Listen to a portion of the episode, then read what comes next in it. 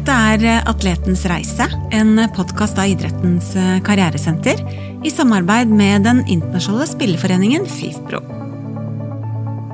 Men Mushaga, jeg må jo bare innrømme at jeg blir jo litt sånn uh, starstruck. Eller når, når, ble, når, når, vi ble enige om at vi skulle ta en prat, da, mm -hmm. så må jeg innrømme det at uh, onkelen din, mm. han Mukwege Da ble jeg, når jeg skjønte at det også var onkelen din, så ble jeg, ble jeg litt ekstra starstruck, om det er lov å, å, lov å, si det. Hvordan har det vært å, å ha en sånn onkel? da? Det har vært veldig fint. Ja. Jeg har egentlig før Eh, jeg ble, hvis jeg skulle bli fotballspiller, hva som helst, mm. så har jeg alltid sagt til foreldrene mine at eh, jeg har to forbilder som jeg ser opp til. Eh, og Det var onkelen min og bestefaren min. Som jeg mener er to mennesker som ja, Det er bare oser godhet av dem. Mm. Kjærlighet og autoritet, og de gjør så mye for andre. da. Mm. Um, så det, nei, det, har vært veldig fint å ha han som onkel. Og så uh, var det frustrerende et par eh, år der hvor eh, han vant alt utenom Nobels fredspris. Og så jeg som likte Obama, plutselig så fikk Obama uten å egentlig ha gjort noe som helst. og TV 2 var vel utenfor døra til mamma og pappa og var klar for å liksom, for den her vinne onkel, tenkte vi. Så vi hadde jo gitt opp den Nobels-greia. Og så plutselig kom det ut av det blå, så det var artig. Men uh, det har vært fint å ha han som onkel. Det er en ære.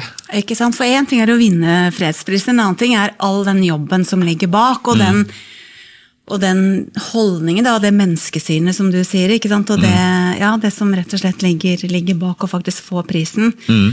Hva, hva og du kom jo opprinnelig fra Kongo, ikke sant? Mm. Nei, men du, du, er født og oppvokst i Norge? Ja, så du er jo kav trønder, holdt jeg på å si? Ja, ja, ja. ja. Jeg, altså Joar, det ja, navnet der. Det, Joar. du får ikke mer norsk enn jeg pleier å si. Så det, jeg er født i Trondheim, ja. Mm. Så, men du har jo åpenbart, men begge foreldrene dine er fra Kongo. Ja. Sånn at du har jo uh, fått med deg mye av kulturen derfra. Mm.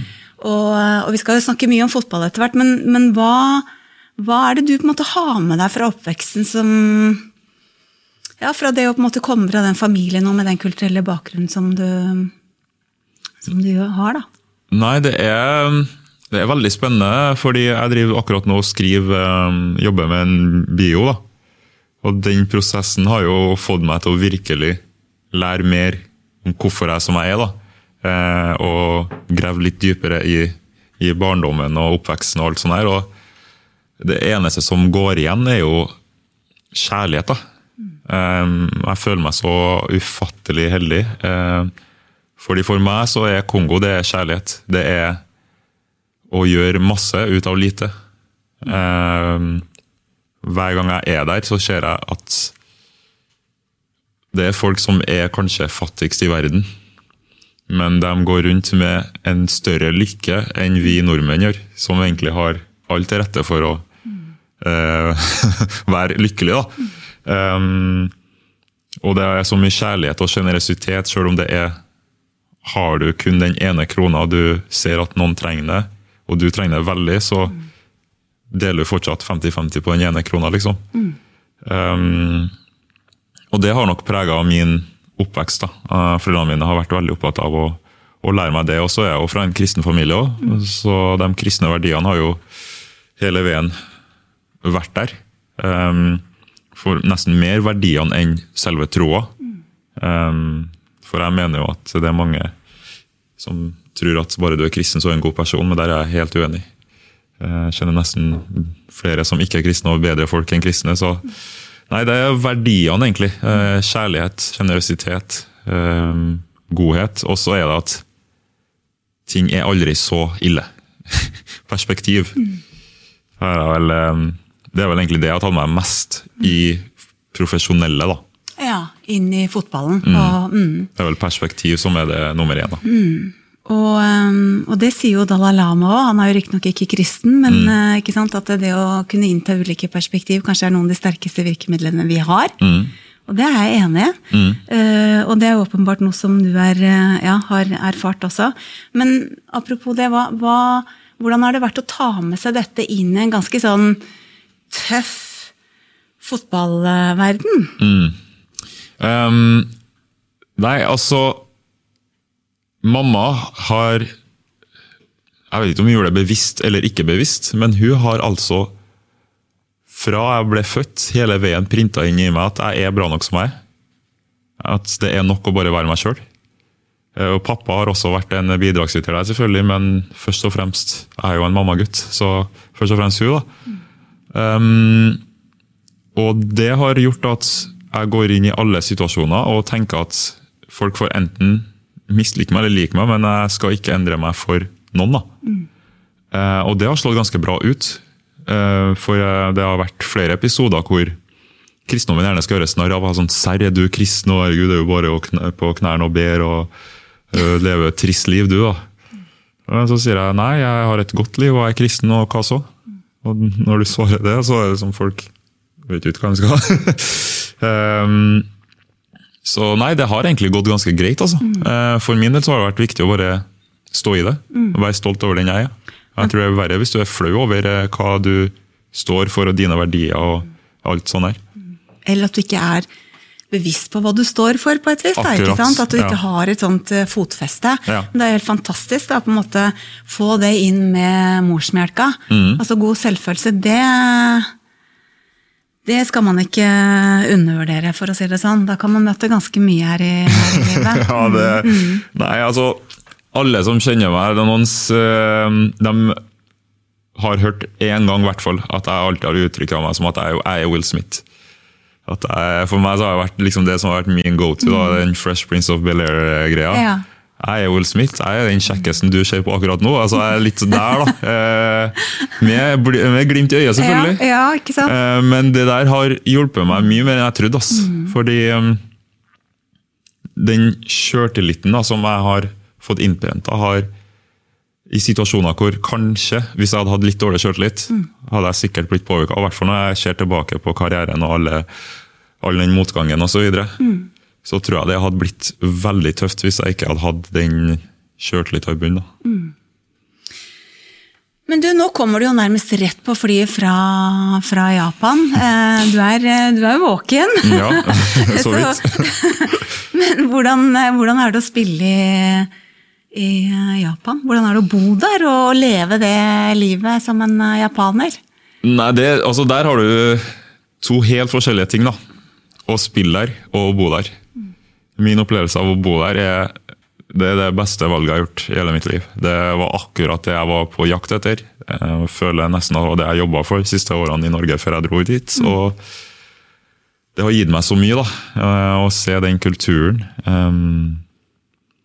Fikk se litt av hvordan verden bør være. Mm. Hvordan folk bør være imot hverandre. Ja, Hvordan er det? Nei, Det er rett og slett ganske enkelt. Bare ha respekt. Og, være, og, forstå at folk er forskjellige. Mm. Det er en så stor forståelse og um, Før jeg dro dit, så var jo noen som sa Mors, du må passe på det rasisme, rasismen er stor i Japan. Men det har jo jeg skjønt det er jo helt feil. Mm. Det er bare det at de blir så um, ubekvemme med at de plutselig skal snakke engelsk. Mm. For de kan ikke engelsk, mange av dem.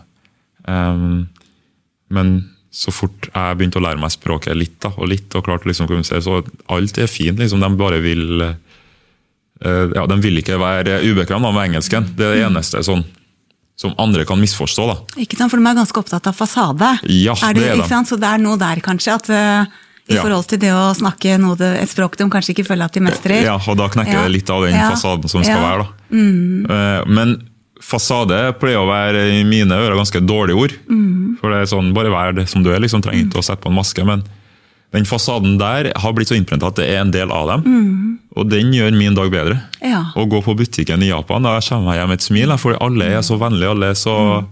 uh, smiler og liksom Det er så høflig. ja. Um, Nei, så er jeg ufattelig glad i det livet jeg har hatt der, og mm. opplevd så mye rare ting. og fikk skjedd en geisha, det var jo helt sykt. Ja. Ingen på laget mitt som hadde sett geisha, så dro Nei. jeg til Kyoto der. Plutselig så møtte vi geisha og fruen. Det var noe veldig, mm. veldig spennende. Mm. Eh, hadde sånn tea ceremony og gjort litt sånne ting. og Spist mer ris enn det Hele slekta mi har gjort, sikkert. sånn, uh, nei, og maten her var jo helt fantastisk. Og alt var liksom perfekt da, uh, med livet. Mm. Å få opplevd ting. Og så har du fotballen, da. som er den andre. Det var litt uh, frustrerende, for det er ikke samme fotball her. Nei. Eller i Europa. De har en helt egen måte å tenke på og spille på. De er jo Alt ligger til rette. De har alt av teknikk og styrke og alt, men fotballhodet funker ikke på samme måte. Nei, hva, hva tenker du på da? Det er vanskelig å forklare, men det er veldig Noen ganger virker det som at det ikke er så viktig å skåre mål. da. Jeg skjønner. Og så er det ikke så viktig å vinne. Du skal gi alt, men du skal ikke gjøre det lille ekstra for å vinne. Det er ikke noe som heter kynisme der. Um, og dommerne er jo Jeg har hatt mine kamper med dommere opp igjennom, men der var det jo Å spille spiss i Japan er som å være en eh, UFC-utøver. Jeg følte meg som en Emil Mek der en periode. så og det er ingenting som blåses på. Nei. Så det var veldig frustrerende tid, da, egentlig sånn på banen. For det meste så krasjer jeg litt med treneren. um, Jeg er en som mener ting, og han spør meg om hva jeg syns, og jeg svarer ærlig, og det faller jo ikke alltid i god jord til noen trenere. Og da skjærte seg noe med han på slutten her, i hvert fall, men um, Nei, fotballen ble litt sånn det var litt frustrerende, for jeg følte egentlig at alt lå til rette for at man skulle gjøre det bra, og alt sånt her, men uh, det ble litt hakkete. Men da er jeg enda mer takknemlig for utenfor, da. Selve, ikke sant? Selvopplevelsen. Ja. Men du, hva er det som er viktig i japansk fotball, da? Siden det ikke er å vinne og skåre mål og Det er å gi alt, og så er det alle de her rutinene. Ja. Altså, alt er, det er, altså, de har jo rutiner for alt. Eh, men når vi skal ut, så er det sånn oppvarmingshall på stadion som med noen hard kunstgress, og der skal vi kjøre første del av oppvarminga. Og den oppvarminga er jo som å spille kamp i seg sjøl. Og så er jeg ut, og, ut alle sammen til at publikum er her og klapper. og eh, Da skal man da eh, først til midten skal man bukke til ene sida, klapp, snu seg, bukke til andre sida, klapp, snu seg igjen, bukke til helt borti der, klapp. Så kan man springe bort til sine egne fans og kjøre sånn hils, og der står de med Bakenga-flagg og norske flagget, og skal vi bukke der òg. Og så skal vi begynne å varme opp. Og så når vi skal ut til kamp igjen, så er det samme greia at vi går ut begge lagene, og så dommeren blåser, og så skal man bukke først. Og veldig mye bukking, da. Jeg. Og jeg, det har jeg tatt med meg. Det er, altså, jeg får det ikke ut av systemet. Nei, Så hvordan eh, spiller det seg ut på andre arenaer nå? Nei, nå på Gardermoen. ja. Altså, noen som var stille med meg, bare Ja, de var... Og så fikk jeg eh, Kjøpte jeg meg bolle, bolle på Gardermoen her, og så Helt ut av det blå, men det er så innprenta, så sier jeg 'arigato gozaimas. Ja. Som er takk, da. Tusen takk på Og han fyren på 7-Eleven miksa, han bare var sånn Men det er, ikke, det er jo ikke det verste du kan gjøre, da, bukke og være høflig. Og, Nei, nei, nei. ja, Så, nei men jeg skal ta det med videre. Jeg tar det meg videre. Eh, Den er fin, den. Men rutiner og ritualer, er det trumfer eh, Det trumfer alt. Det trumfer alt. Og du kan spille en ræva kamp, Ja. det mener jeg. Eh, Men så lenge hvis du blir tatt av banen, da. Og så når du går ut fra sidelinja og liksom bytter med spilleren, så skal du bare snu deg mot matta og kjøre en bukk. Og da er det jo som om at jeg har skåra mål. Ah, og Sånn, ja. fansen der var jo helt gal. og uh, Jeg bodde i et hus første halvåret der, og da kom de utenfor med frokost. uh, eller uh, frukt.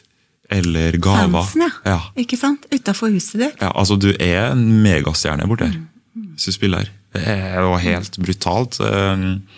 Butikken jeg kunne ikke gå uten at noen skulle Og ene gangen var det noen som skalv og holdt på å besvime liksom, for at de møtte meg. Ja. Eh, så jeg, det var, jeg kunne ikke legge ut noe at jeg var et sted. For da kom det 50-100 stykker. Såpass, ja. Så det, det var veldig sånn wow! Mm. Man kan være så stor her, ja. Um, men det var alltid applaus. Det ble litt frustrerende etter hvert, når vi tapte og ikke vant, og jeg føler vi spilte dritdårlig.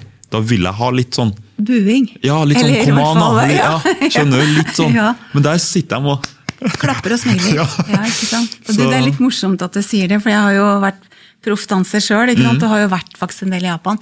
Så jeg har liksom opplevd å danse show der, og så er det godt voksne menn som sitter og napper deg i kjolen hver gang du helt ville bare ta på kjolen og sånn. Det, helt, det var skikkelig fjernt å oppleve. Altså, men jeg skjønner at det er jo ingenting mot, eh, mot det du har eh, opplevd eh, her, altså. Så, men, men, da er det jo greit å ha beina godt planta på bakken i utgangspunktet, da, for det virker det som du har. Selv om du har god selvtillit, så virker du ikke som en cocky fyr. Nei, det håper jeg virkelig ikke. Uh, og da hadde jeg fått høre det fra alle mine rundt, så det, det, jeg har gode folk rundt meg, heldigvis. Mm. Men nei, det jeg takla jeg fint. Jeg, jeg syns jo det var og da tar jeg, altså For meg så koster det ingenting å ta en prat der av hele karrieren. Mm. Um, fordi jeg har lært at uh, Jeg har fått brev før, når jeg spilte også i Norge og i Belgia, sånn at pga. den praten så endra jeg deres livssituasjon. da. Ga dem mer håp. eller Og for ja. meg så spilte jo det egentlig ingen rolle å, å ta de fem minuttene. Så viktig er ikke livet mitt at jeg ikke har fem minutter. Um, og borti der så kan du jo gange det med alt mulig. Mm. Fordi der føler de, hvis du bare tar imot gaven de har stått på og laga for deg, da. Mm. Og som sagt så prøvde jeg å lære meg litt japansk og prøvde å snakke tilbake eller virkelig vise min takknemlighet. da. Mm. Eh, så var det jo det, jo det, var så stor innvirkning på livet til folk. Eh, og det klarer jeg aldri helt å venne meg til, men jeg syns det er en fin greie å være en del av. da. Mm. At du kan hjelpe noen. For det er jo sånn som jeg sier, det er en del av grunnpilarene i livet mitt. Mm. Kan du gjøre livet til noen bedre, så gjør det. Mm.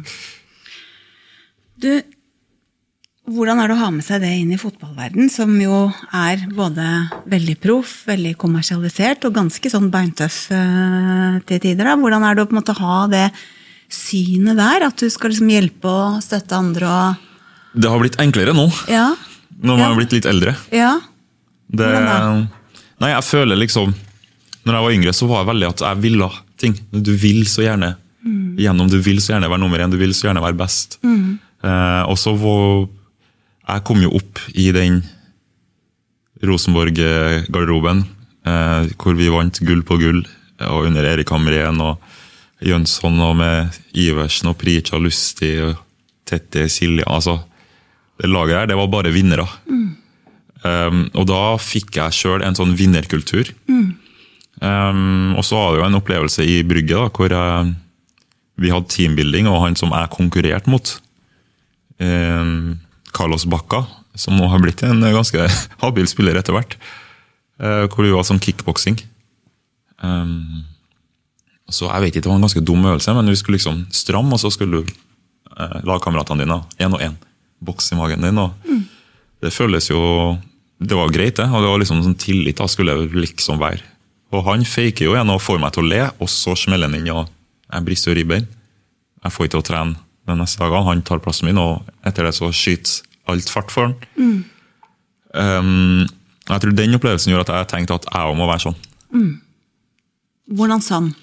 Jeg òg må være at jeg vil gjøre det lille, det litt stygge, da. Eh, for å få min plass. Mm.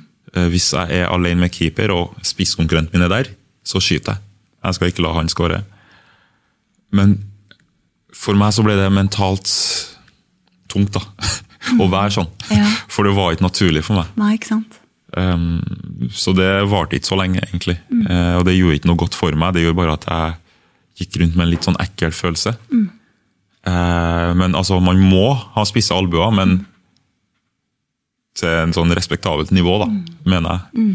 Um, så jeg har prøvd både det ene og andre, men de senere årene, spesielt når jeg var i, i Odd da, eh, og fikk litt ansvar fra Jan Frode, så var det mer å dele mine erfaringer og, og hjelpe de unge spillerne. Mm. Um, så hvis det er en ung spiss, også, også, i Japan, er det unge spillere som jeg ser jeg kan hjelpe, så um, gjør jeg det. Mm. Uh, fordi det er plass til flere som kan gjør det bra, liksom. Um, og alt godt jeg gjør mot andre, det, det gir meg så mye at det går fint. Du må ikke knekke ribbeina på konkurrenten for å lykkes. Nei, må ikke det. Det, det er tips til alle der ute. Dere må ikke det, selv om. Carlos fikk den sinnssyke karrieren etter det der. Eh, men man må ikke. Ikke sant, Og så skal man jo leve godt med seg sjøl òg. Sine mm. egne verdier. Det er jo ganske, det skal man jo ikke tulle så mye med. Nei, det, og det tror jeg er mm. Det tror jeg er nøkkel generelt i alt man gjør i livet. da. Um, I hvert fall i idrettsverden. Man vil så gjerne være best. Man vil så gjerne gjøre alt. Men ikke gjøre mer enn det som går imot hva du egentlig står for, eller du kjenner at det her er ikke, det her er ikke meg. For det ja, greit, så vinner du gull på den distansen, eller du vinner eh, seriegull, eller du gjør det og da. Men den følelsen inni jeg tror det er viktigere å ta vare på det, fordi det har blitt veldig mye mentale utfordringer i det siste. Og det tror jeg er litt på grunn av at folk går litt ut av det som er deres personlighet og personer, Nettopp. For å så absolutt skal ha skal gjøre så mye for det her. da. Ikke sant? Og det, altså, jeg vet at den beste følelsen når jeg vant seriegull, det var ikke at jeg vant serie, for egentlig så var det sånn, ok, vi vant seriegull, er ferdig, men det var bare den reisen med dem på laget. Eh, med gruppa og alle de treningene og alle de eh, lagkveldene vi hadde, og det sosiale og liksom, de erfaringene, det er dem som eh, du tar med. Selve liksom, ok, du løfta tro, det trofeet der, men du gjorde ting som du ikke er stolt av, eller som ikke er deg, så sitter det med en bismak. Det må gjøre det. Ikke sant? Ja. Så det er fort gjort i idrettsverden hvor det er veldig fokus på prestasjon, og det er liksom egentlig bare eneren som gjelder, til syvende og sist. ikke sant? At det, mange strekker seg litt lenger enn det som er lurt i forhold til sitt eget verdigrunnlag og det som er viktig for dem. ikke sant? Og så skjønner man kanskje ikke underveis at det, det gjør noe med deg. Hvis du går for mye på, på tvers med ja, verdigrunnlag og så videre. da. Ja, det gjør det, og det, det påvirker deg, og så påvirker det ditt forhold til andre etter hvert. Så det, Nettopp, det er sånn dominoeffekt. da. Ja. Så jeg var jo det store talentet som ikke helt fikk det til sånn som alle trodde. da. Ikke sant? Men fortsatt, så i dag så angrer jeg egentlig ikke på verken det dårlige som har skjedd, med motgang og skader, eller med trenere som har behandla meg dårlig, eller hva som helst, fordi den har gjort meg til den jeg er i dag.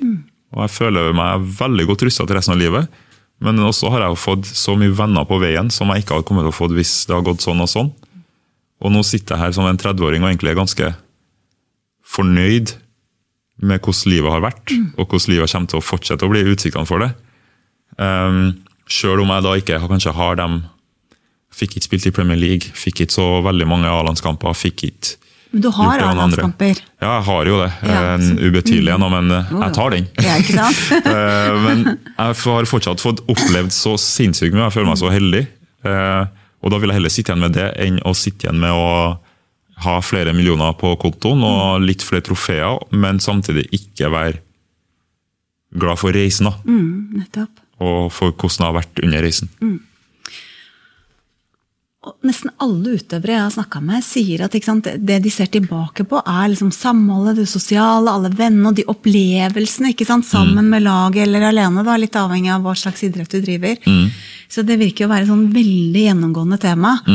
Og det mm, og det sosiale vet vi jo. Det å trives sosialt, å være på en måte en del av en flokk man trives i, det er jo enormt viktig også for mental helse. Ja, det det er er jo en av de grunnleggende tingene. Ja. Så, men du, er litt tilbake til den der vinnerkulturen i Rosenborg. Og den reisen med det laget, som du sa. Hva var det som kjennetegna den eh, kulturen der, da? Og, og den Ja. Alt under 100% var ikke godt nok. Nei. Så det var all in. Alltid.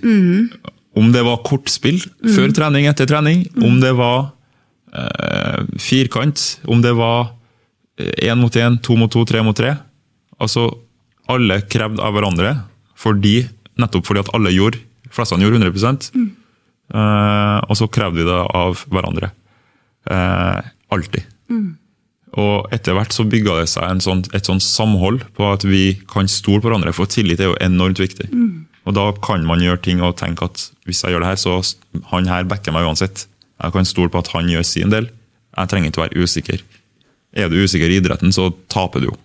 Ferdig. Har ikke du 100% sikkerhet på dem rundt deg, at de gjør sin del, så gjør ikke du det du skal 100% Og det er nok til at du taper den duellen, eller kommer ut av rytmen. da. Så, og så var det bare en fantastisk forståelse av at alle var forskjellige. Eh, Og det er først etterpå at jeg har innsett hvor bra det var i den garderoben. Ja, hvordan da? Fordi vi hadde så mye rare mennesker. Vi, altså, vi var et, et, lag bestående av alt mulig.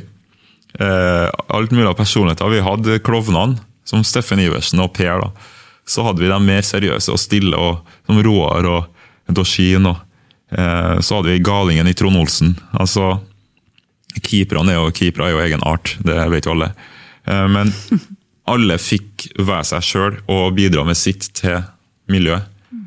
Eh, og det Jeg ser det også på de lagene som gjør det bra nå, sånn som Bodø og Molde. alt sånt der, Jeg ser igjen, da. jeg kan se på banen, at det her er et, et lag hvor man står sammen. da. Man er én flokk som jobber mot det samme, men på reisen så får alle, alle får muligheten til å by på det de har mm. av sine personligheter. Og vi snakka jo åpent. da. Hadde man en dårlig dag, så kunne man prate med alle. Det var ingenting som var sånn at du følte du måtte skjule. Så det var en spesiell garderobe. og det var jeg satte kanskje ikke nok pris på det da, fordi jeg trodde at det var sånn det var overalt. Og Så drar du andre plasser, og så merker du at det, det var ikke det. Og da er vi tilbake til tillit og respekt og mm. de grunnverdiene som også på en måte stemmer veldig godt med ditt verdigrunnlag. da. Ja, stemmer. Mm, mm. Men du, er det, er det vanskelig å få til det der og både liksom, For du må jo ha fokus på deg sjøl og det å pressere og levere, så er du ute av den elveren før du får sukk for det, alt jeg på å. Mm. Og samtidig skulle spille hverandre gode. Og det er noen slags motsetninger der, da. Ja. Med, med, eh, på, en, på ett nivå, i hvert fall. Mm. Hva, hva, hvordan det fikk dere åpenbart til i den tida der i Rosenborg. Hvordan, ja, hva er liksom nøkkelen? Du sier jo noe om det her, men er det noe mer? Nei, jeg vil Det er ganske enkelt, egentlig. Ja. Så lenge du har Hvis du tar bort fotballpolitikken og trenere. Fordi det fins mange trenere som har sine personlige agendaer eller et eller annet, eller som bare ikke liker deg som spiller og person. Mm. Og da, det, kan ikke du noe for. Det har jeg opplevd flere ganger, og da er sånn, greit. Men jeg føler at så lenge du gjør det du skal, 100% og du gjør deg fortjent til det, mm. så får du muligheten. Men da må du ta den. eh, altså Det dummeste man gjør som i hvert fall i lagidrett, da, eller også enkelidrett, også, men du er irritert for at du ikke får muligheten. Um, og pga. at du er irritert og sur og forbanna, du skjønner ikke hvorfor, så kanskje du presterer litt dårligere. Eh, eller du presterer feil på trening. Men så plutselig så får du muligheten i en kamp. da.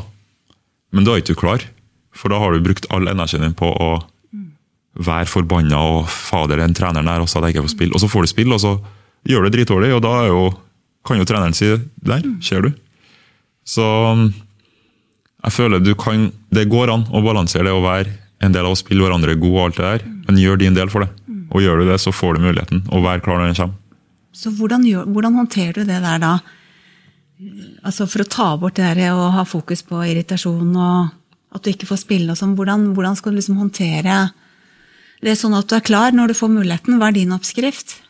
Nei, det er å enkelt. Bare tenk på at ok, nå spiller ikke jeg, men jeg skal være klar når jeg skjer. Altså Nå gjør jeg alt i min makt og at den eneste taperen i en situasjon hvis ting går imot deg, da, det er jo hvis du kan bare ødelegge mer for deg sjøl.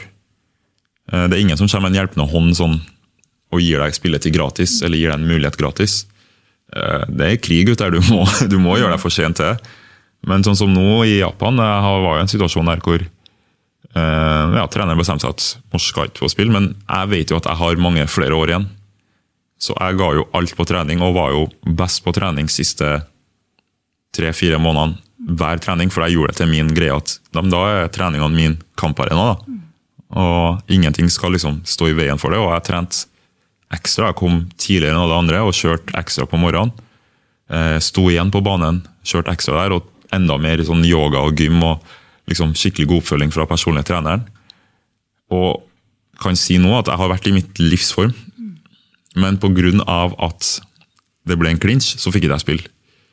Eh, og det er sånn jeg har lært at sånn er det bare. Jeg orker ikke å bruke energi på det. Men nå vet jeg altså at jeg er klar for neste klubb. da. Eller neste mulighet. Og hadde jeg fått muligheten, og det gjorde jeg jo midt inn der, da kommer jeg jo inn, og så er jeg banens beste og skårer, og så redder jobben til treneren her. da. Men um, hadde jeg vært irritert og bare vært sånn ah, og så begynte å være litt slapp på trening, kanskje ikke sove som jeg skal, gjøre de riktige tingene, så ødelegget jeg bare for meg da, men også for neste mulighet, for da er jeg ikke like klar. Du skal ha litt mental disiplin da, for å stå i det der og ha det fokuset, men det er et vanvittig godt tips til andre unge og eldre spillere som ønsker å, ønsker å lykkes. Mm.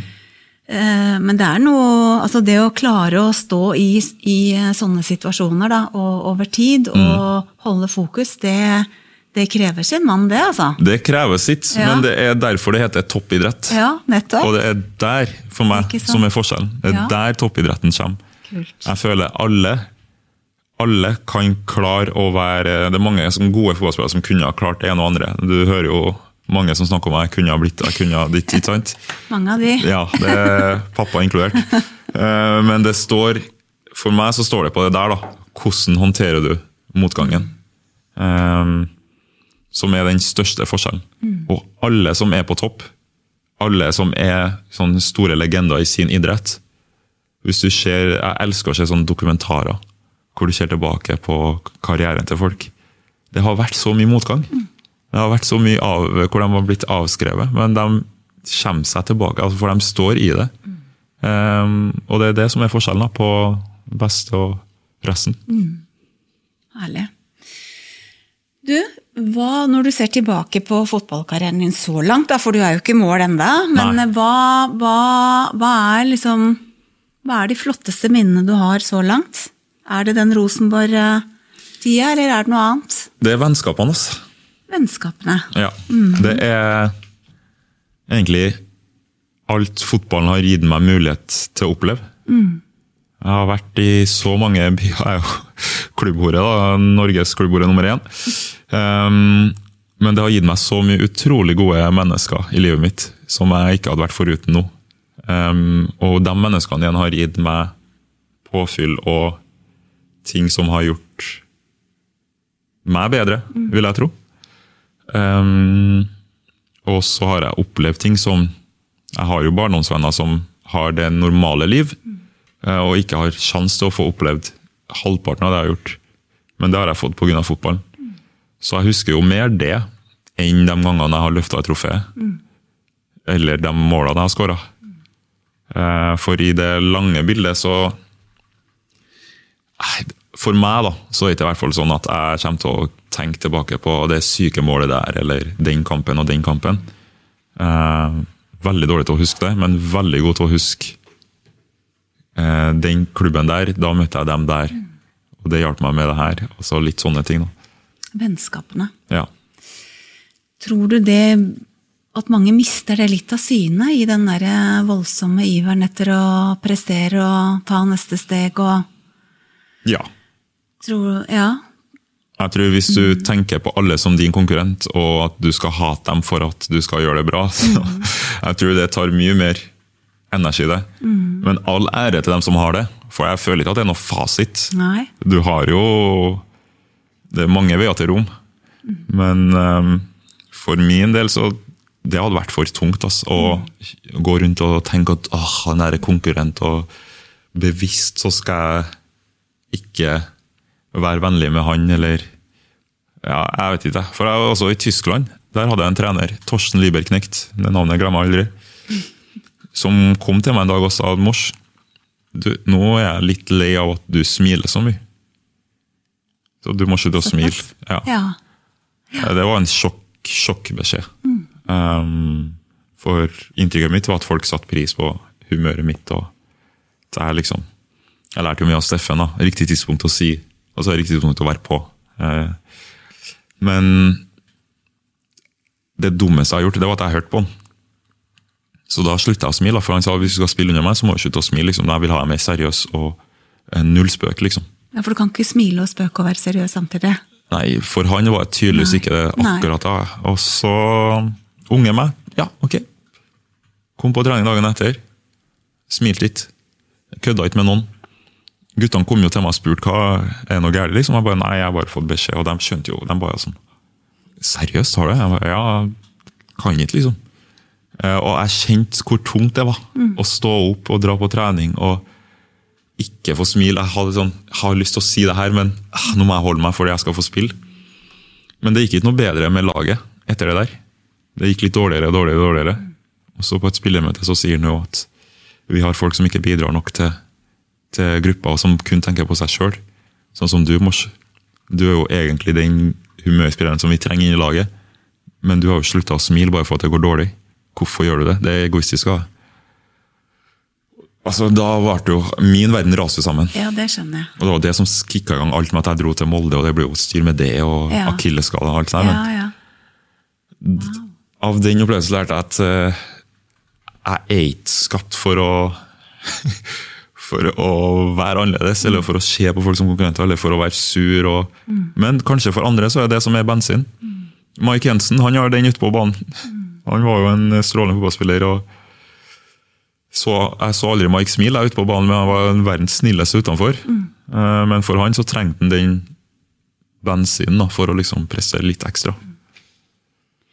Da er vi tilbake til det du sa om at den derre- det å ha en forståelse for at alle er forskjellige, og møte folk eh, på den måten eh, de trenger, da. Mm. Det er jo ekstremt viktig. Jeg vil jo tenke at det er en helt sånn basisferdighet som trener.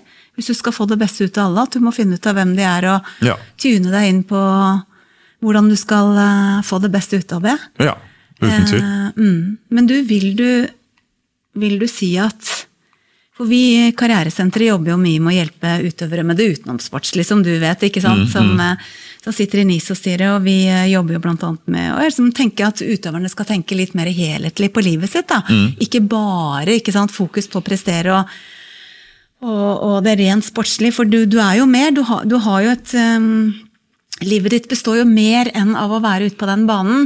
Men vil du si at det er en, liksom, en forståelse for det? Eller for å spørre på en annen måte, har du vært i noen klubber hvor det har vært liksom en sånn forståelse fra trener og, og, og resten av klubben om at fotballspillere også er hele mennesker med både verdier og behov og Ja, jeg vil si at uh, jeg har opplevd det uh, første perioden i Rosenborg.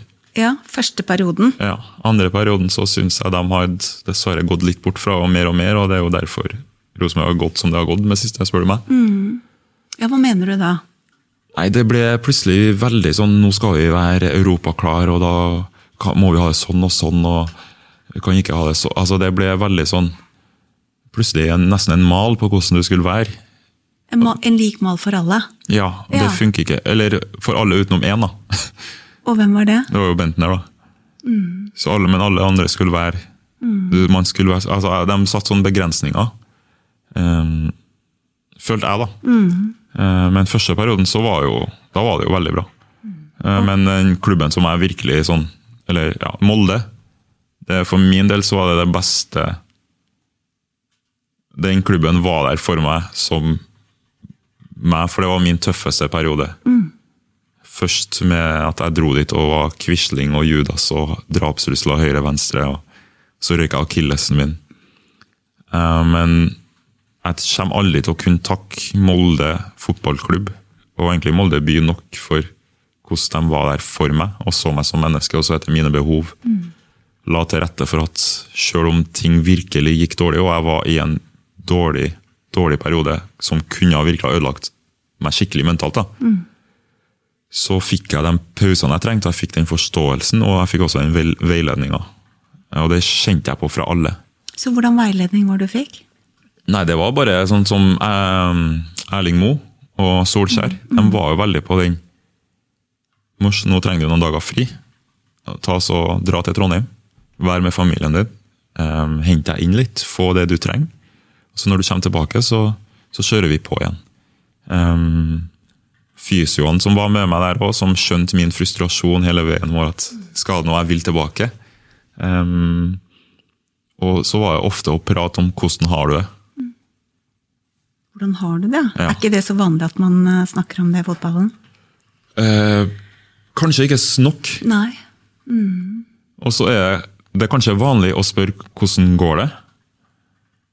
Eh, og så er det enda mer å gå med å faktisk svare hvordan du har det.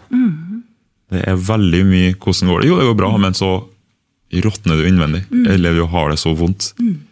Men du vil ikke vise, vise svakhet. Men det er jo ikke bare i fotball, det er jo i samfunnet generelt. men den, hvor, hvordan har du det, og så ta det videre derifra. At hvis personen svarer noe annet enn 'jo, bra', at den svarer 'nei, jeg har det litt tungt nå', ta de ekstra setningene. sant? Og der var Jeg føler alle i Molde var helt fantastisk der, altså. Ja. Så det er rett og slett en del av kulturen, da? vil du si? Ja, det vil jeg si. Ja, ikke sant? Ja. Og nå vant du med serien i år, og Ja. Det, ble norgesmester, og ja, ja. Nei, så, nei, Molde har Molde har mye riktige verdier som de, jeg føler at er her over tid òg. Så det Ja. Så du mener at det er en klar sammenheng, sånn som du ser det, mellom liksom den kulturen de har bygd i Molde, og det å ivareta hele mennesket, og det å prestere på banen? Ja, det vil jeg. Og jeg tror ikke du møter én spiller som har vært i Molde som sier noe annet. Nei. Det er en vesentlig forskjell. Og det kan være en spiller som ikke har spilt så mye. Ehm, For ser du på andre klubber, og du har ikke spilt så mye, og det, ting gikk ikke så bra i den klubben, så bærer du gjerne en litt nag. Så liksom, ah, den klubben var drit, fordi Det er aldri din egen feil. skjønner du. Det er, sånn er idretten. Det er aldri din feil. Det er alltid alle andre. Digg å ha noen å skylde på! Ja, det, Ja. det er viktig. Det er nummer én. Tar æren da når det går bra, Ja, og ja, så skylder på andre når det går dårlig. Ja. Det er digg. Ja, det, er, Ja. er fascinerende hvordan vi er. Men eh, der i Molde så tror jeg absolutt alle har kun gode ord å si om klubben og byen Mm. menneskene. Så det er kred til dem. Jeg har snakka litt med han Øystein Næland, som er blitt ny sportssjef i NTF. Og han kommer fra Molde, ikke det? Var ikke han sportssjef i Mm. Jo, han var når jeg var her. Og han påstår at han står for den filosofien som du sier nå. Er du enig i det, eller? Ja. ja, ja. Det- Han er en av de. Han er 100% en av dem. 100 ikke sant? Det, ja, det er bra. Ja. Mm. Ja. du må hilse noe å si. Ja, det skal jeg hilsen å si. Men du, um, du er jo også Sitter jo i styret i NISO. Mm. Hvorfor gjør du det? Én, for det er en ære. Å få være med å påvirke og, og kjempe utøvernes sak. Um, jeg Hvilke saker er du opptatt av da? Nei, det er litt av ting som jeg har fra min jeg føler at ting kan bli tilrettelagt, da. For jeg føler ofte at utøvere er kun produkter. Jeg føler at noen ganger så er vi bare som et stykke kjøtt som hives her og der, og når man trengs, så ligger alt til rette, men hvis man ikke trengs, så bort med det. Um, jeg føler at ja, greit, vi lever drømmen nå. vi tjener penger. Jeg er så lei av å høre det der. Fordi det er så mye mer rundt det. Vi har fortsatt våre ting som vi kan klage på. Vi vil jo gjøre vår jobb best, samme med det. Sånn som med fotballskosaken som var for ti år siden. At folk eh, vil kunne bruke fotballskoene de vil bruke, som passer best for dem. Eh, For det gjør jo at de spiller bedre, og klubben får det bedre, og alt sånt der. Men skulle liksom være for klubbene nei, må ha på eh, sponsor sitt merke. og eh, Sånne ting føler jeg blir litt sånn unødvendig støy, da. Så nei, jeg gjør det egentlig bare for å kjempe for utøvernes sak. da. Jeg syns eh, det ligger mye forbedringspotensial i ting rundt omkring. For fotball er jo greit nok at dere driver med det dere kanskje digger mest her i verden som utøvere, men fotball er jo også en stor industri og en big business. Og det er jo, man er jo ansatt også når man er i klubber og sånn, så det er jo rettigheter her og plikter og det er liksom eh, Det er jo folk som har en vanlig jobb også, som digger jobben sin, men de blir jo ivaretatt. I hvert fall stort sett, da, for det. Så så men hva er den, liksom, den viktigste saken din, vil du si? I, noe sånn, har du noen sånne fanesaker inn i Ja, jeg har Akkurat nå Ja. så er min fanesak det er mennesket, å ta vare på mennesket. Jeg er, mm, begynner å se meg lei av at man skriver kontrakt på to år, og så alt går bra, men så er man usikker på om man skal forlenge kontrakten. Og da føler klubben at de har rett til å sette deg ut av laget. At da skal du plutselig ikke konkurrere like, fordi at du har bare seks måneder igjen av kontrakten og du har ikke skrevet under. Og mange klubber bruker jo det som pressmiddel. Det fikk jeg jo erfare ganske tidlig sjøl òg. At det blir brukt som pressmiddel at du forhandler om en kontrakt, men ok, men siden du ikke signerer med en gang, så får du ikke spille. Um, Og så det å ta vare på dem som ikke er nummer 1 til 11, da. De resten, eller ungguttene. Legg til rette for at de får Spør man om hjelp, så skal man få hjelp. Eh, og egentlig bare at klubbene skal se mennesker. Hvis alle klubbene i Norge har vært drevet sånn som jeg mener Molde blir drevet, så tror jeg det hadde gjort Fotball-Norge veldig godt. da. Um, og det må jo være kan ikke bare være tall som er i hodet på klubbene hele tida. Altså, her har du spillere som kjemper et helt år for at klubben skal nå sine mål og få inn penger, men som kommer med et lite problem eller lite ønske eller vil bare bli tatt litt vare på, som koster klubben ingenting. Men det skal ikke skje. Fordi det er ikke økonomisk riktig å bry seg om for klubben. det så det er litt sånn eh, Der er nok min største sånn fanesak som jeg kommer til å kjempe, kjempe for så lenge jeg sitter i NISO. Det er veldig interessant, merker vi òg fra Karrieresenteret sitt ståsted, at, eh, og det er jo en del av NISO, ikke sant? at eh, alle er jo enige at det vi eh, driver og snakker om og kan hjelpe utøvere med, er kjempeviktig.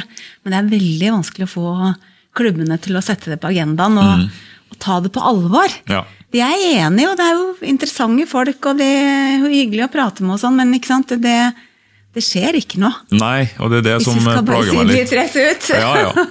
Altså, nå har det vært veldig mye om mental helse som har kommet opp nå, men jeg vet jo at det her har jo pågått i lang tid.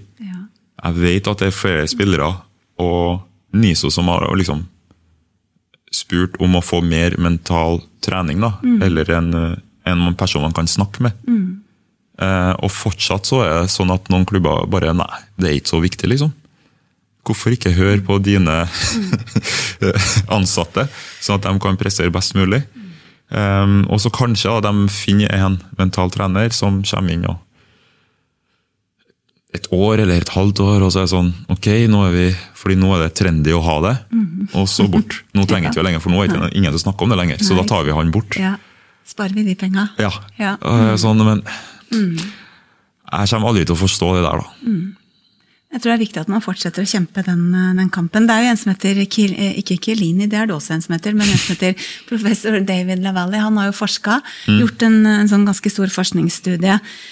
Eh, hvor han bl.a. fant at eh, utøvere som gjorde noe ved siden av, f.eks., i tilpassa eh, omfang, da, sånn at det ikke gikk utover det sportslige. Både det, I den studien så fant han at de utøverne som klarte å balansere det å gjøre noe ved siden av, parallelt med å ha en aktiv karriere, at de eh, både presterte bedre i form av mer spilletid, og ble værende i klubb og på landslag lenger. Så det er jo, hvis man liksom klarer å tenke litt helhet, så er det også sportslige gevinster å hente. da, hvis det er det, Jeg skjønner at klubbene også er opptatt, eh, opptatt av det. Men jeg har jo også snakket, du sier at du er opptatt av også spesielt å ivareta de unge spillerne, da, eller utøverne. ikke sant? Men jeg har jo også snakka med noen unge utøvere som måtte ikke tør å si noe. ikke sant? Jeg husker en ung gutt jeg, som studerte og skulle ha eksamen. Og så krasja det med en trening. Og så fikk han beskjed om at han fikk ikke fri, og han turte ikke å mukke på det. altså. Og det, det som skjedde var at Han turte ikke å si hjemme til foreldrene sine at han ikke tok eksamen. Oh. Så det blir jo en sånn stress. da, ikke sant? Ja. Betalt, Det var jo også på et privat eh, høyskole. Så hadde betalt masse penger. Droppa den eksamen, sa ingenting hjemme. Foreldrene trodde han hadde tatt eksamen, så lata som. ikke sant? Og så gikk på trening og gjorde det akkurat som treneren sa. Det er jo Men så sitter sportssjefen og sier at her er det rom for, her skal vi tenke helhet, og vi skal legge til rette for utdanning og sånn. Ja. Så det er jo en del litt sånn uh, dobbeltmoral, eller litt sånn eh, ja. Ja, det, altså det er uff, dobbeltmoral. Det, det, det er så mye av det i idrett og sport, og i hvert fall fra dem som sitter høyere opp og snakker om forskjellige ting som klubben liksom står for, og de har egentlig ikke kontakt. For praten mellom det sports, nei, den eh, ledelsen og det sportslige utvalget med trenere og sånn, den er ofte veldig lang. Så de kan utad gå og si masse ting, men de følger ikke opp. Eh, og der må man kanskje få krympa den avstanden da, mellom eh, ledelse og, og trenerapparat. Så hva tenker du at man kan gjøre der, hvis man skulle ta det et hakk videre i riktig retning? Nei, jeg føler at alle klubber bør ha i hvert fall én som man kan snakke med om alt. Nesten at en spillergruppe trenger en HMS-ansvarlig. Altså. For det finnes ikke HMS i idrett. Fordi man skal være tøff. Man skal tåle det der. Du skal ikke grine. Eh, du skal ikke sutre. Sutrer du, så ikke, da kan du ikke være fotballspiller. Tydeligvis. Um, eller idrettsutøver. Så bare få på plass én, sånn at vi blir behandla som alle andre vanlige ansatte i en normal bedrift. Så Og det syns jeg er ganske enkelt, og det er ikke så mye ekstra å betale altså, for en klubb. Du klarer å få opp noen ekstra hundre tusen for noe så viktig og så bra. Um, og se for deg alle de talentene som går bort, da, og ikke klarer å oppfylle sitt potensial. da. Eh, som kunne ha gitt klubben der 15-20 millioner, hvis klubben bare hadde tatt vare på den her. For det har vært så mange i det siste nå, sånn late bloomers, eller som man ikke tenkte kunne slå gjennom. Og så plutselig så var det 20 millioner der, eller 100 millioner der. eller... Men det er så mange klubber har mista på at de ikke gidder. Nettopp. Og jeg vil si 'gidde' er riktig uttrykk, fordi de kan. De bør alt ligge til rette, men de gidder ikke. Og tilbake til det du sa at man skal være så tøff og sterk som toppidrettsutøver. og det, Man kan jo være robust og tøff og sterk, og alt mulig, og samtidig så er man jo sårbar. For vi er jo, vi mennesker vi rommer jo mye. Og det er jo bare å pøse på med nok, eh, nok stress og, og, utfordringer, så har jo alle en eller annen terskel hvor det blir litt trøbbel hvis man uh, står i det for lenge. Så det er jo ikke snakk om å være svak eller sterk. Det er jo, vi er jo på en måte begge deler alle sammen, og så er det bare litt ulike ting som, uh, og litt ulik grad av av trøkk som skal til før vi får oss en liten uh, dupp. Ja, og altså for min Jeg var så langt ned en periode i Tromsø. Mm. Av, jeg vet ikke hva, men Det var første gang jeg kjente på depresjon. da. Mm. Og jeg tror jeg, Tankene mine fanga meg i at ting hadde ikke gått som jeg håpa på. Det var mye skade, og så plutselig kom det enda en skade. og Kom aldri helt i gang. da. Jeg følte liksom ting var veldig urettferdig og trivdes ikke i det hele tatt. Mye bra folk rundt meg, men jeg slet personlig, da. Mm. Uh, og jeg føler jo egentlig at jeg, jeg er sterk mentalt, om jeg kan få det sjøl. Mm. Så, så du bare føler det, jeg tror du er det. Ja. Du er jo et eh, bevis på det, tenker jeg. ja, og jeg tror jo at Jeg mener virkelig at jeg har alle nøklene for å klare det. Jeg har folk rundt meg, alt sånt der. Men der var det faktisk noen dager hvor jeg våkna og hadde tårer i øynene og nesten grein for at jeg måtte på trening. Jeg hata det så mye. Og for meg, da viser det Det høres veldig sånn feil ut at jeg skal si det fra meg sjøl, men når jeg, da, som jeg føler jeg var så sterk mentalt, mm. nådde den bunnen, um, så kan jeg bare se for meg hvor mange som går gjennom det der og ender opp med å slutte. Mm. Eller å, at livet tar en vending som ikke er bra. da. Mm. Så mm. ta vare på mennesket, så tror jeg jeg løser mye. Også i toppidretten. Også i toppidretten. Mm. Men du, en ting vi ikke har eh, snakka noe om, eh, som vi må snakke litt om, det er jo veien videre etter fotballen. Mm. Um, har du noen ny plan A, eller? Ja. ja. Jeg har vel egentlig alltid hatt en plan A, B, C. Ja. ja. Og det har jo endra seg litt de siste årene. men... Jeg gikk jo Jeg um, studerte jo gjennom NISO, faktisk, oh, ja. når jeg var i Belgia i 2012. 11 og 12 mm. tok jeg Sports Management. Ja, nettopp. Det programmet der. Mm. Um, og så tok, har jeg egentlig hele veien tatt litt her og der, for jeg var veldig opptatt av at jeg var jo en uh, nerd på skolen. Jeg hadde bra snitt og liksom flink der, da, så jeg ville holde det opp. Og foreldrene mine har alltid vært på at fotball er bra, men husk at du har et langt liv etter, og det er jeg glad for de sa. Mm. Um, så har jeg egentlig alltid forberedt meg sånn sett, da, med å liksom hele veien tenke hva vil jeg holde på med, og så tar jeg litt fag som jeg syns er interessant, og prøver liksom å sette opp masse studiepoeng sånn. da. Ja. Um, og det var alltid plan A. Jeg visste ikke helt hva, men jeg visste at jeg finner ut av det. Jeg skulle ha en jobb hvor jeg får brukt personligheten min, men jeg skal i hvert fall ikke bli dørene skal ikke lukkes for at jeg ikke har utdanninga. Eh, og så etter hvert nå så har det blitt litt mer media. Litt mer greier der. Eh, og der ja, Jeg ser for meg at det blir i TV. Jeg har i hvert fall en, en muntlig mm. greie gående. Ja. Så da blir det TV så lenge jeg klarer det og orker det.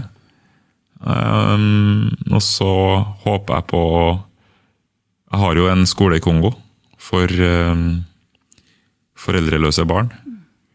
Uh, Den håper jeg nå skal fortsette å gå. Og jeg vil også åpne barnehjem i Kongo. Fantastisk. Eh, Og kanskje flere skoler etter hvert. da. Um, for, det, for meg så er det det mest givende jeg holder på med akkurat nå. Det er ingen tvil om. Så jeg kommer nok til å ha et stort fokus på de områdene. Um, ja, så det er vel egentlig det som er Men NISO har vært veldig fin der, da. Og det håper jeg alle som hører på det her, forstår at uh, fotball og alt sånt her, det er veldig bra, men det går an å kombinere. Gjør det. Og så er det Du vil ikke Ikke alle kan bli fotballeksperter. Og ikke alle kan bli fotballtrenere. Det er ikke for alle.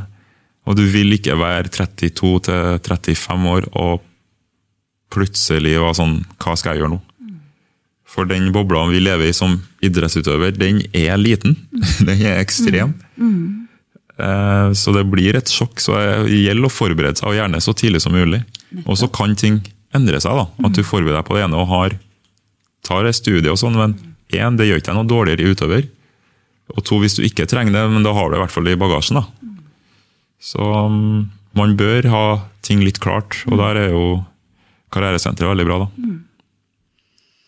Apropos at ikke alle kan bli TV-reporter og, og jobbe i media, sånn, men, men det fremstår for meg som at du er en ganske god eh, kandidat da, for en sånn eh, type jobb. Eh, men du, Kilini hos eh, Juventus han har jo fronta denne, det har du sikkert kanskje sett, han har jo fronta en sånn FIFPro-kampanje. Han har jo tatt studier også, ikke sant? Han er jo også et godt eksempel på at det går an å lykkes på øverste nivå, selv om du gjør noe ved siden av. Så ehm, så, og det er jo nydelige ord, det der at det er smart å starte tidlig. Og, og det kan hende at det tar en helt annen vei underveis enn det du tenker. Men, Ja, ja. eh, men det han også sier, det var det jeg skulle si, er at han føler at han også har blitt skjerpa altså på banen av å stimulere disse grå oppe i toppen.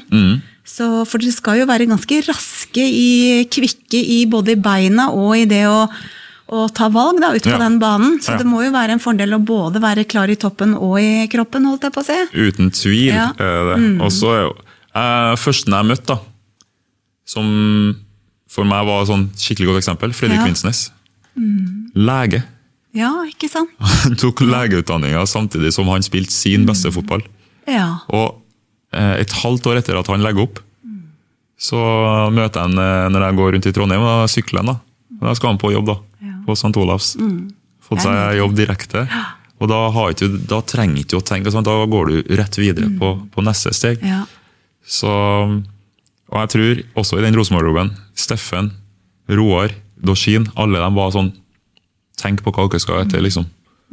For jeg husker at Roar var veldig eh, forvirra, for han visste ikke hva han skulle fortsatt. Og da begynte det å nærme seg slutten. Og han hadde vel noen år der hvor det var litt sånn, men nå har han jo funnet ut av det. Men eh, alle sa jo hele veien til meg Husk å tenke på hva du vil etter, liksom, for det går fort. Og da var du i et veldig høytpresterende Mm. miljø i, i fotballen, hvor dere også vant mye. Og, ikke sant? Så det var jo ikke sånn Og det vi også er opptatt av, er jo ikke ha liksom, ikke tenk en plan B. Altså, du må gjerne ha en plan B og C sånn, Mm. som backup-planer, men, men når det kommer til neste karriere, Ja. så snakker vi en ny plan A. Ja. For det er jo nettopp det du nevner han Vinsnes, som da spaserer rett inn i en ny, spennende karriere. Mm. Og det virker jo som du også har lina opp nye spennende karrierer på litt ulike områder ikke sant? For, Mm. å, for å gjøre noe meningsfylt og interessant for deg i livet videre. Og det er jo det som er nøkkelen. Ja. Du driver jo med fotball fordi du digger å spille fotball, vil jeg tippe. Ja, og det er ja. liksom, clouet er jo å finne det andre også som du kan brenne for, da, som Ja. du kan fortsette å drive med videre. Ja, fordi når du legger opp, hvis du er i 30-årene Altså, du er fortsatt så ung. da. Du er jo det. Livet det er så mye mer. Og uansett om du har tjent masse millioner, og du er mangemillionær, og du har lagt opp og du flytter hjem, du vil jo fortsatt gjøre noe med Altså, vi er sånn bygd, vi mennesker. Vi vil stå opp og gjøre noe meningsfylt. Nettopp. Det er derfor for meg så er ferien ganske rar, da. For jeg elsker å ha ferie. Men jeg føler meg så slapp når For når jeg har ferie, så har alle vennene mine går fortsatt og jobber. Så jeg sitter nå og kan liksom sove ut så lenge jeg vil. Og, så det, det blir så rart. Eh, Og skulle ha bare ha levd sånn lenge, da. ja, jeg tror ikke det er sunt for den mentale helsa. altså. Nei, det kan ikke være. Nei, vi må jo føle at vi mestrer og bidrar med noe. ikke sant? Så Ja. det hjelper egentlig ikke å ha millioner av kroner på kontoen. Det er selvfølgelig digg. Det er det. Altså, hvis du, ikke sant? Det motsatte er jo, kan jo også skape litt mentale utfordringer. Ja. Men ikke sant? Vi, må, vi må få brukt oss, vet du, ellers så råtner vi på rot, rett og slett. Det gjør vi. Så, Og da er det ikke noe hyggelig å være med for de andre rundt oss heller. Nei, det er det, det er det heller ikke. Men du, ehm, har du noe Du har sagt eh, mye bra som eh, unge spillere og eldre for den saks skyld bør få med seg, du altså, men har du noen tips sånn på slutten eller på tampen?